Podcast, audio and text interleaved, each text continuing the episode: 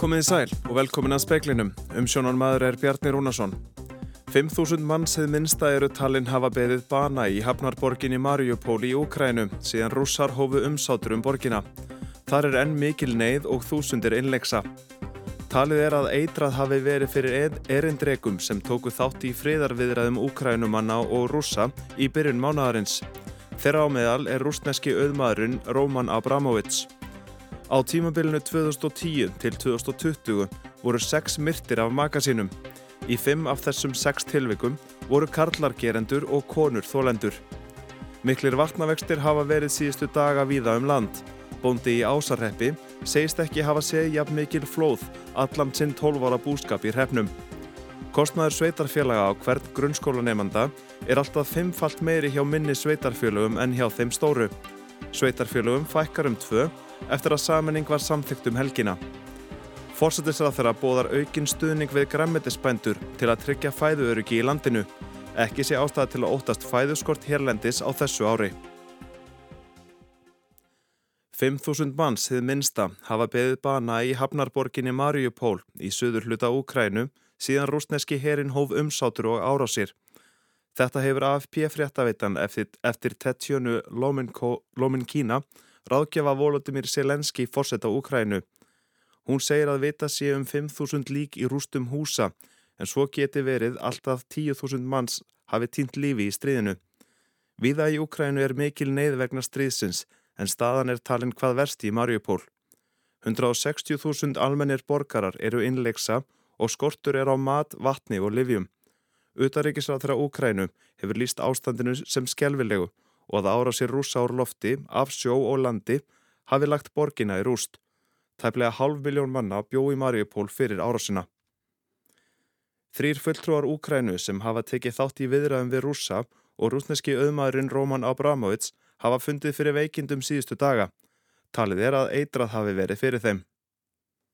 Fólkið fann fyrir nýstandi sársöka í augum og húð á höndum flagnaði að þér framkymur í umfjöllun Wall Street Journal. Framkymur í Twitterfæslu Bellingcat, fjölmiðils sem sérhæfir sig í rannsóknar bladamennsku, að eitur skamtatnir og tegund eitursins hafi ekki verið nógu sterk til að valda lífsættu. Líklega hafi ætlunin verið að hræða. Sendinemdin fundaði með fulltrúum rúsa og úkrænsku yfir á það svæði 3. mars síðastliðin. Abramovits hefur ferðast nokkrum sinnum millir kænukars og Moskvu að undanförnu og tekið þátt í friðarviðræðum. Hann var á fundinum 3. mars. Fólkið var veikt í um halvan sólaring. Næsta dag, 4. mars, fór sendinemdin til borgarinnar Víf í vesturhluta Úgrænu, þaðan til Póllands og svo til Istanbul í Tyrklandi til að halda áfram óformlegum viðræðum. Rannsakandi á vegum Bellingcat var beðinum aðstóð við að útvega rannsókn á vegum efnafræðinga. Niðurstaða þeirra rannsókna var að líklega væri þetta eitrun með ótilgreindu efnavopni. Annar möguleiki sem þó þykir ekki eins líklegur er að fólki hafi orði fyrir geyslun. Dagný Hulda Erlendstóttir saði frá. Á tíu ára tímabili voru sex myrtir af maka sínum hér á landi. Í fimm af þessum sex tilvikum voru karlargerendur og konur þólendur. Þetta kemur fram í nýri skýrslu Ríkis lauruglustjóra. Sigþrúður Guðmundsdóttir, framkvæmendastýra Kvenna Atkarsins, segir mikilvægt að tilkynna heimilsofbeldi til lauruglu svo hægt sé að grípa inn í áður en það er of seint.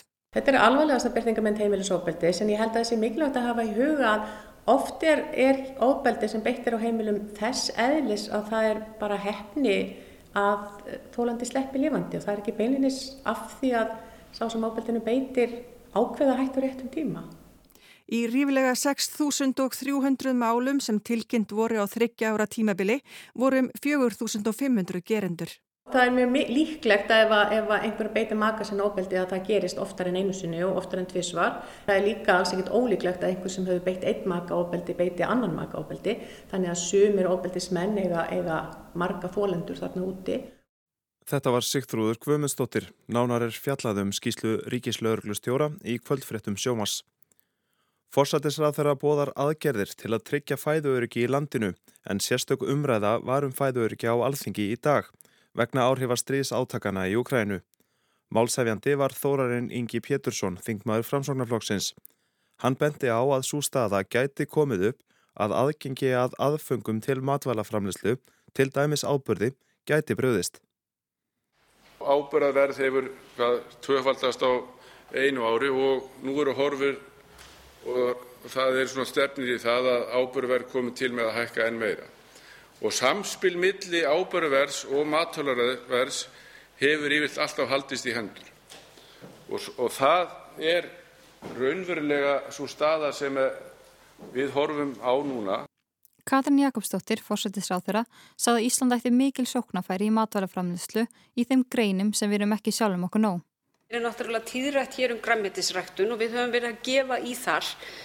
Það held ég að sé gríðarlega mikilvægt, líka bara í ljósi breyttra neysluvenja en við erum að fá 43% af því grænmeti sem við neytum er innlend framleysla og það er mjög mismunandi milli einstakra tegunda að sjálfsögðu erum við að borða meira af innlendum kartöflum og rófum en til dæmis í tilfelli blómkáls þá minnum að yfir 90% séu innflutt og þarna eigum við mikil tækifæri að gera miklu betur fyrir utan auðvitað í kottræktinni sem er um 1% af heildarneslu. Og það var Urður Örlegstóttir sem tók saman og nánar verður fjallað um fæðuöryggi síðar í speklinum. Vatn hefur viða um land flætt yfir vegarspotta og í, í dag og í gær. Lítið er þó farið að sjatna í ám. Reynir Örn Pálmásson, bóndi á Króki í Ásarheppi, býr næri þjórsá.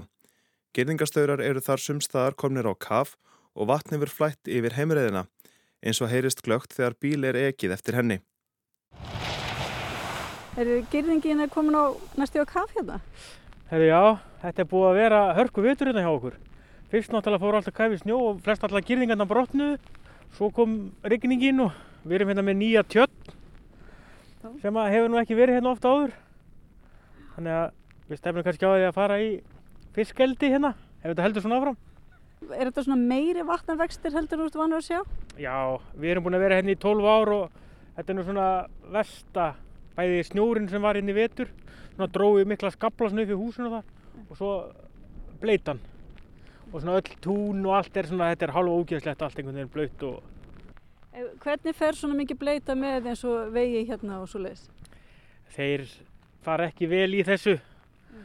og það er náttúrulega erfitt að komast inn, á, inn í túnin til hestana fóðra og svona. Það fer alltaf kafi í drullu eftir, eftir vélarnar og það er snögilega versta, finnst mér. Saði Reynir Örn Pálmarsson bóndi á Króki í Ásarheppi. Kristín Sigurðardóttir talaði við hann. Skipulagsráð Akureyrar hafnar Óskar Ríkisins um að ekki verði byggður bílakjallari undir nýri hilsugjæslustöð sem fyrirhugð er á svokallum tjaldsvæðisreit. Formaði skipularsrað segir þessa ósk algjöran forsendubrest fyrir byggingu stöðvarinnar. Fyrir þremur árum var ákveðið að opna tvær nýjar heilsugjastlustöðvar á Akureyri í stað þeirrar einu sem nú er.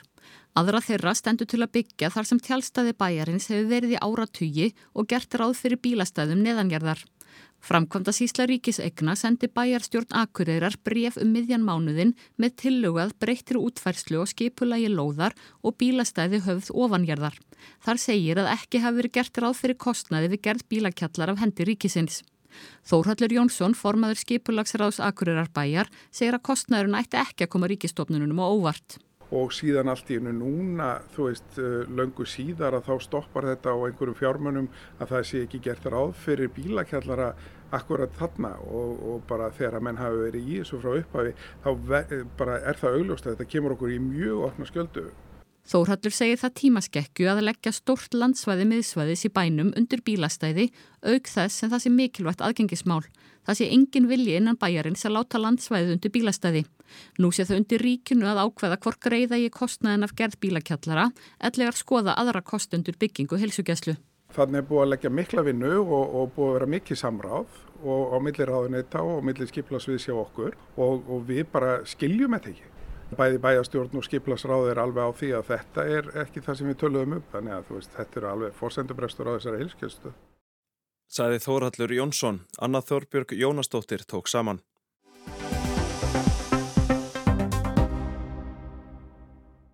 Fæðu öryggi, byrðahald, óljöverð og viðbröð stjórnvalda vegna áhrifastriðsins í Úkrænu voru þingmunum hugleikin í óundirbúnum fyrirspurnum við upphaf þingfundar. Ráþeirar sögðu fylstu ástæðu til að ebla innlenda framlegslu en hvorki væri ástæða til að óttast fæðu nýja fóðurskort hér í ár. Fyrstur til að beina spurningum um þetta til ráð þeirra var Sigmundur Daví Gunnlaugsson formaði miðflokksins. Hann sagði að fæðuöryggi hefði lengi verið hugleikið sínum flokki. Vísaði til þess að stjórnvöld víða á Vesturlöndum rættu nú við bröði efnagslegum áhrifum innrásar rússa og við yfirvóandi fæðuskorti og hann spurði eftir áætlunum þjóðaröryggisráðs og ríkistjórnar.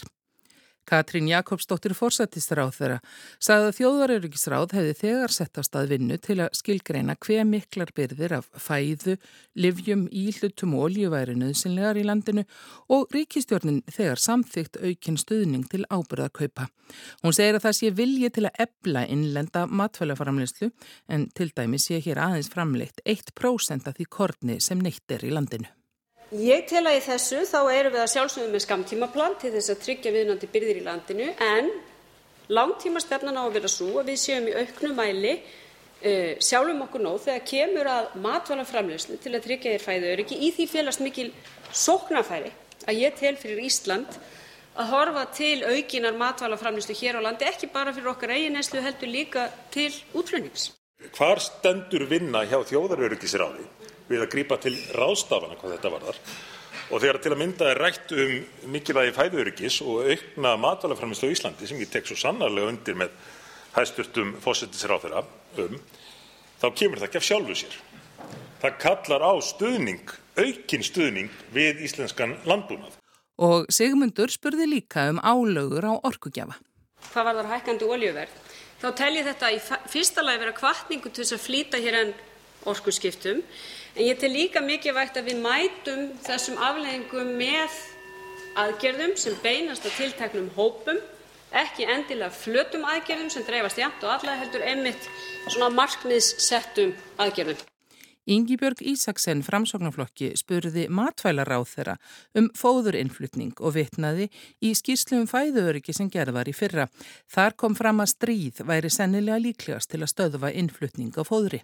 Ef allt fyrir á vestaveg vofir yfir framleiðslustöðvun í eggja, alifugla og svínarækt ásamt því að draga þar verulega úr framleiðslu í mjólkuriðnaði og nautgripa og sauðfjárrækt. Staðan er því graf alvarleg. Uppistaðan í dýrafóðri er korn. Því vil ég spyrja hæstvirtan matvælaráðherra er til staðar viðbragðsáætlun til að bregðast við ástandinu sem nú vofir yfir? Og hvernig getum við tryggt aðgengi að lykilaðföngum til innlendrar framleiðslu, matvælaframleiðslu næsta árið? Svandi Svavastóttir matvælaráþurra segir að stjórnvöld séu í samskiptum við aðeila bæði austanhafs og vestan. Þrátt fyrir að stríð geysi í Ukrænu séu bændur þar nú að sá kortni og sólblómum þó að það gæti orða á helmingi minna á landsveðin venjulegu ári. Stjórnvöld í Ukrænu hafi aflétt útflutningstakumörkunum á mæs og sólblómólju í síðustu viku.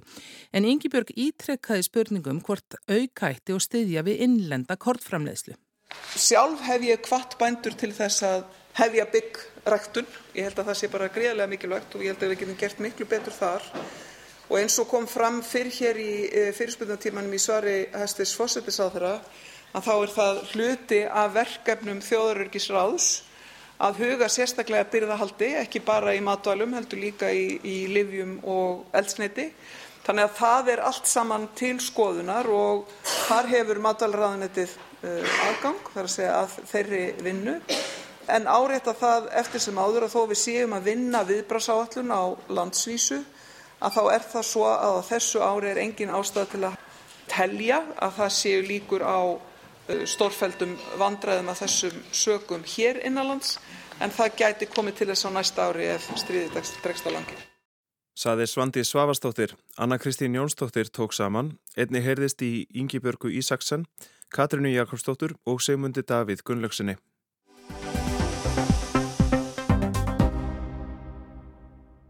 Tvær saminningar sveitarfélaga voru samþektar um helgina. Annars vegar fara Langanæsbyggð og Svalbarðsreppur á Norðurlandi Eistra í eina sæng og hins vegar Helgafellssveit og Stikkishólmur á Snæfellsnesi. Stikkishólmsbæri réttar að sagt. Við saminningu verður til nýtt 600 manna sveitarfélaga á Norðurlandi Eistra og 1250 manna fyrir vestan. Helgafellssveit og Svalbarðsreppur eru með fámennustu sveitarfélagum landsins með innan við 100 íbúa kvort. Frá því fyrra sumar hafa íbúari 19 sveitarfélögum kosið um saminningu. Í söður þingaðarsíslu tvísvar í austur húnavarsíslu, á Suðurlandi, Snæfellsnesi og í Skagaferði. Sumt var felt og annað samþygt. Sigurður Ármann Snævar er sviðstjóri hag og upplýsingarsviðs sambas Íslarska sveitarfélaga. Sveitarfélagin sem samþyktu saminningu um helgina höfðu áður ímist kolfelt saminningu eða hún verið kerð og feld úr gildi. Hvað hefur breyst að mati Sigurðar? Það hefur ímislegt breyst. Nú kann ég ekki aðstæður í þessum sveitafjörnum sem þú nefnir hér en það er alveg ljónst að umhverfið hefur breyst mjög mikið og við horfum bara einfallega til þess að kröfur til sveitafélaga, kröfur um stjórnsýslu og fleira hafa stór aukist þannig að það er afskaplega erfitt að veka sveitafélagi á eldursporðunum heima hjá þér. Það sýnist mér svona vera, vera, vera kannski, auðvitað hefur verið mikil umræða, gríðalega mikil umræða um saminningu sveitafélaga, lög hafa verið sett, eh, frumvarp hafa verið feld og það hefur verið mörg, mörgu stefna sem að, sín, sem að það sem að sveitafélugum verður að sko geta sanna tilveru rétt sinn. Þannig að þetta eru svona stóru línutnar en það er ábyggilega mjög mikið af, af staðbundnum þáttum sem að þarna ráða. Ráða því að þarna eru saminningar en aðra saminningar, treyfingar sem að hafa verið í kortónum hafa ekki leitt til neins. Það eru tvö af af minnstu sveitafélögum landsins eða fámennustu sveitafélögum landsins að, að saminast í öðrum sveitafélögum. Hverju breytir þetta svona fyrir þeirra rekstur og, og fjárhag að, að saminast? Hefur þetta eitthvað að segja? Sko, það er þannig að af þessum 69 sveitafélögum sem að hafa starfa á þessu kjartímanbili þá eru nýju þeirra sem ekki reka skóla og raun og veru reka enga þjónustu kaupa þessa þjónustu alla af nákvæmum sínum í þeim tilbyggum þar sem að grunnskóla börni eru fyrir hendi. Þannig að í þessum sveitafélug sem þú nefnir þarna, það er ymmið þau sem ekki reka skóla og kaupa alla þjónustuna af, af nákvæmna sveitafélugum. Þannig að þau eru, til, þau eru lítil í samanbyrði við sveitafélugin sem er saminast. Þannig að ég, ég held að higga að, að, að svona frá fjárhastlegu sjónarmiði að þá séu þessar saminningar mjög til góðs. Það kom fram í umfylgðun okkar í senstu vikum skólamál að bakland og bólmagn skóla í minni sveitafjölugum er eðlimálsins samkvæmt mun minna en hjá þeim stærri og þjónustan eftir því oft á tíðum þó það sé ekki algilt. Svo er líka dýrt fyrir minni sveitafjölug á hvern nefnda að halda skólunum úti þar sem það eru mun færi nefndur. Hversu mikill er munurinn á kostnæðinum á hvern nefnda á milli stóru sveitafjölagana og þeirra minni? Hvað var það grunnskólana þá er munurinn gríðarlega mikil. Við sjáum það sko meðar kostnæður og nefnda er 2,1 miljón króna á árinu 2020. Þeir allra dýrustu, þeir, það er kostnæður yfir 7,5 miljónir en þeir ódýrustu eru með sem sagt, er kringum 1,5 miljón. Er fimmfaldur munur þannig að það munar um, um, um minna. Munurinn er ekki eins sláandi í leirskólunum en enga síður þarna er gríðarlega mikil munur. Eru þetta mörg sveitafélög þar sem að kostnæðurinn er þetta hára hvert nefnda? Þau eru all nokkur nefnilega sko. Það eru sveitafélögin þar sem að skólanir eru kannski alltaf 20 nefndu, 20-30 nefndu, þar er, má búast við kostnæði sem að er á bylunu 5 til 7-8 miljónir sko. Mm. Meðan að stóru skólanir, stærstu skólanir, skóli af af stærðagráðinu 4-600 sjáðu til. Þetta er gríðarlega mikill munur í fjölda nefnda. Þar eru við að sjá kostna sem getur í bestu dæmonum er, er cirka 1,5 miljón á, á nefnda á árunni 2020. Það voru þó nokkuð miklar hugmyndir um saminningar á þessu kjörnjáfabili sem voru samþyktar en aðrar ekki eins og það segir. Þegar að litið er yfir sveitafjölu landsins, hversu mörg eru þau núna eftir þessa saminningu núna og hversu mörg eru enn undir þessu lámars íbúafjölda sem að tala hefur verið um en er þó ekki búið að lögfesta? Já, hversu mörg eru eftir þar? Bara mann er ekki, en það er þannig núna að það fyrir lík frumvarp um lámars íbúafjölda var felt og það, það var samt anstaða gegn því mikill. Og uh, þá var, voru menna miða við að, að sveitafélögin lámarsfjöldin er þúsund íbúar eftir 8 ár.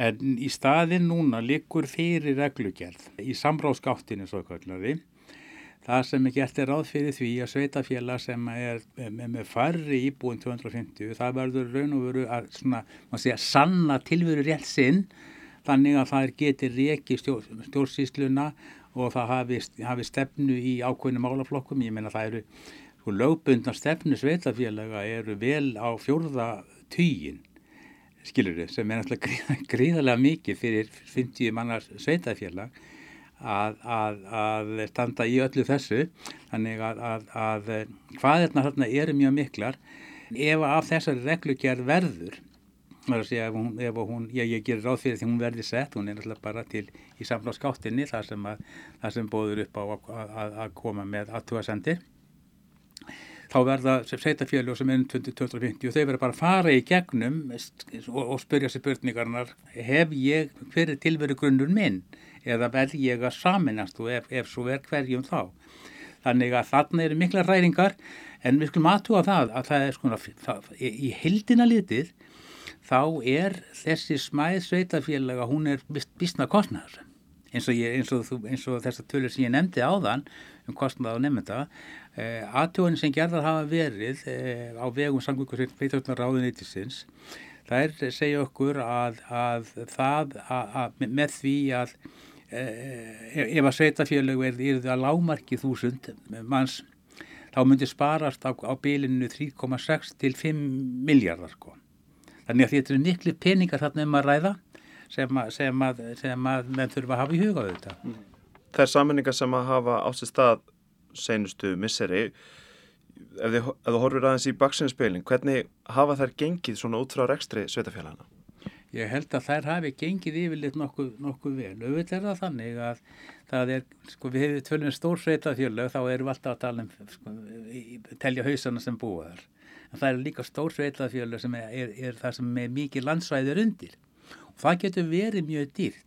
Það hefur ekki verið gerð sko að ég veit eh, rannsókn raun og veru á, á, á eh, einstökun sveitarfélögum að þess að hvað hefur, hvað hefur sparast og hvernig hefur tiltekist en, en, en almennt held ég að, að, að, að ávinningurinn hafi verið mikill og verulega mikill á einstökun sveitarfélögum.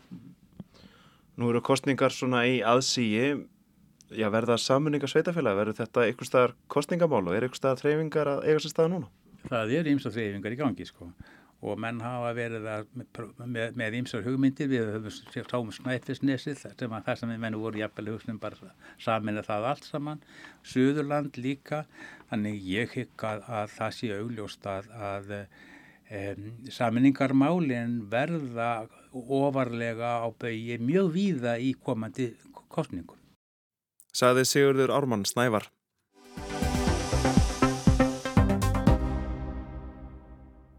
Hópur alls óþægtra tónlistarmanna hefur náð mikillir spilun á streymisveitinu Spotify með einfaldri, oft endur tekninga samri tónlist.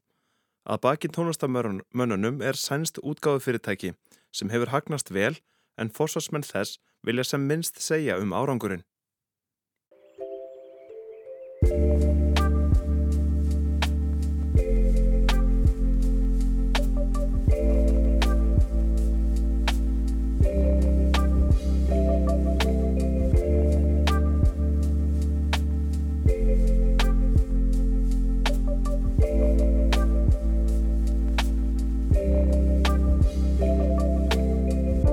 Þetta er lægið Polar Circle með íslenska tónlistarmannunum Ekvat. Hann heitir réttu nafni Guðmundur Gunnarsson og lærði klassískan píjánuleik en starfar í dag með öðru tónlistarfólki í smekkleisa low-fi rockers. Guðmundur á miklum vinsældum að fagna á Spotify og hefur lægið Minimalíska sem við heyrðum brotur hér áðan náð þremur og halvri miljón spilana.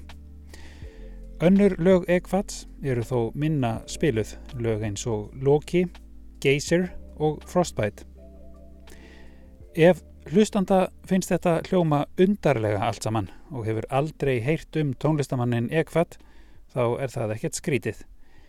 Egfat er ekki til, ekki frekar en ítalski plötusnúðurinn Ludvík Freso, sem er sagður þektur í neðanjarðarsennunni í Mílanó, eða jazzistinn Vera Fernandes, eða írski pianistinn Milo Edale.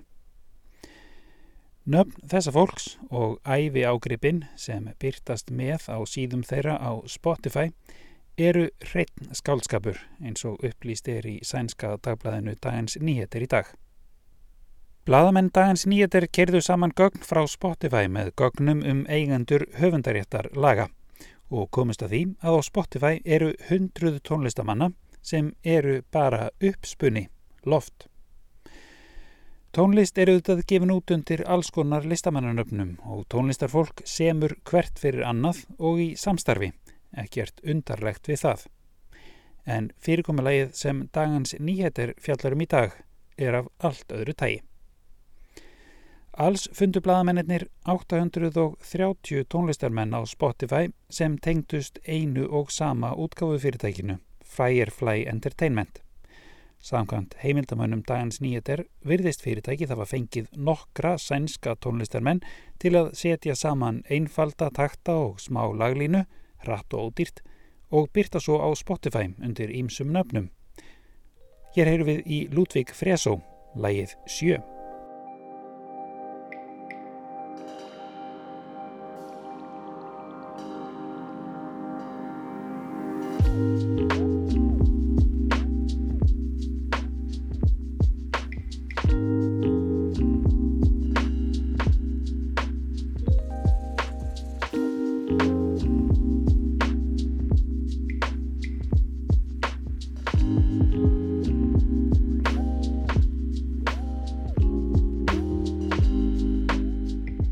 Bakvið EFAT og nokkra tugi annara tilbúina listamannanafna eru til dæmis þrýr náungar hér í Gautaborg og maður nokkur í Karlstad hefur samið tónlistina fyrir að minnstakosti 64 nöfn á Spotify. Sá er með hátt í 8 miljón hlustendur á mánuði þegar allt er talið. Til samanburðar er Björk Guðmundsdóttir með tæplega 2 miljónir hlustenda á mánuði og sænska söngunan Robin með 3,5. En hvernig gerist það að gjörsamlega óþektir tónlistamenn ná svona mikill í spilun? Jú, í gegnum spilunarlista Spotify. Á Spotify eru þúsundir spilunarlista með tónlist fyrir hverskins tilöfni og margir notendur kveikja bara á Spotify og láta einhverja tónlist rúla sjálfkrafa. Um 60.000 nýjum lögum er hlaðið upp á Spotify á hverjum degi og hvort lögin rata inn á einhvern lista hefur mikil áhrif á það hver mikið þau eru spiluð. Fyrirtækið Firefly Entertainment virðist svo vera einstaklega ja, heppið kannski. Að minnstakosti 60% af tónlistamennum þess komast á einhvern af spilunarlistum Spotify. Peningarnir streyma enda inn. Á árunni 2020 námu tekjur fyrirtækisins 65 miljónum sænskra króna. Það er um 1 miljardur íslenskra. Eigandur greitu sér jafnverði rúmra 200 miljóna í arð. Það er samt ekki bara hefni að baki gróðanum að er rannsókn dagins nýhet er bendi til. Meðal aðstu stjórnanda Spotify var lengi svíi að nafni Nick Holmsten. Hann lagði mikla áherslu á að þróa áfram hugmyndina um spilunarlista meðan hann starfaði hjá Spotify. Það var í 6 ár frá 2013 til 19 þegar hann stopnaði nýtt fyrirtæki í New York í samstarfi við áðurnemt Firefly. Í umfjöllun dagans nýjeter kemur einnig fram að Holmsten og einn af stopnendum Firefly séu nánir vinir og fjöldi mynda af þeim saman á samfélagsmiðlum. Korki Holmsten, nýje forsvarsmenn Firefly, vildu ræða málið við blaðmenn dagans nýjeter. Talsmaður Spotify vildi ekki svara neinum spurningum eða veita viðtal en sagði þó að það væri bara hagur hlustenda sem væri í forgrunni þegar raðað væri á spilunarlista og ekkert annað. Þetta er Kári Kilvason sem talar frá Gautaborg. Og lítum stöðlega til veðurs að lokum. Östlag átt viða 3-10 metrar á sekundu og 10-15 siðst. Lítilsáttar slitta eða regning öðru kvoru á sunnanverðu landinu en annars skíjað og úrkomi lítið. Heldur hægari vindur og byrtir viða til á morgun en smá jél við austurströndina. Hitti 0-6 stig á sunnanverðu landinu en frost annars 0-8 stig. Það var ekki fleira í speklunum í kvöld. Tæknumar var Mark Eldredd. Verðið sæl.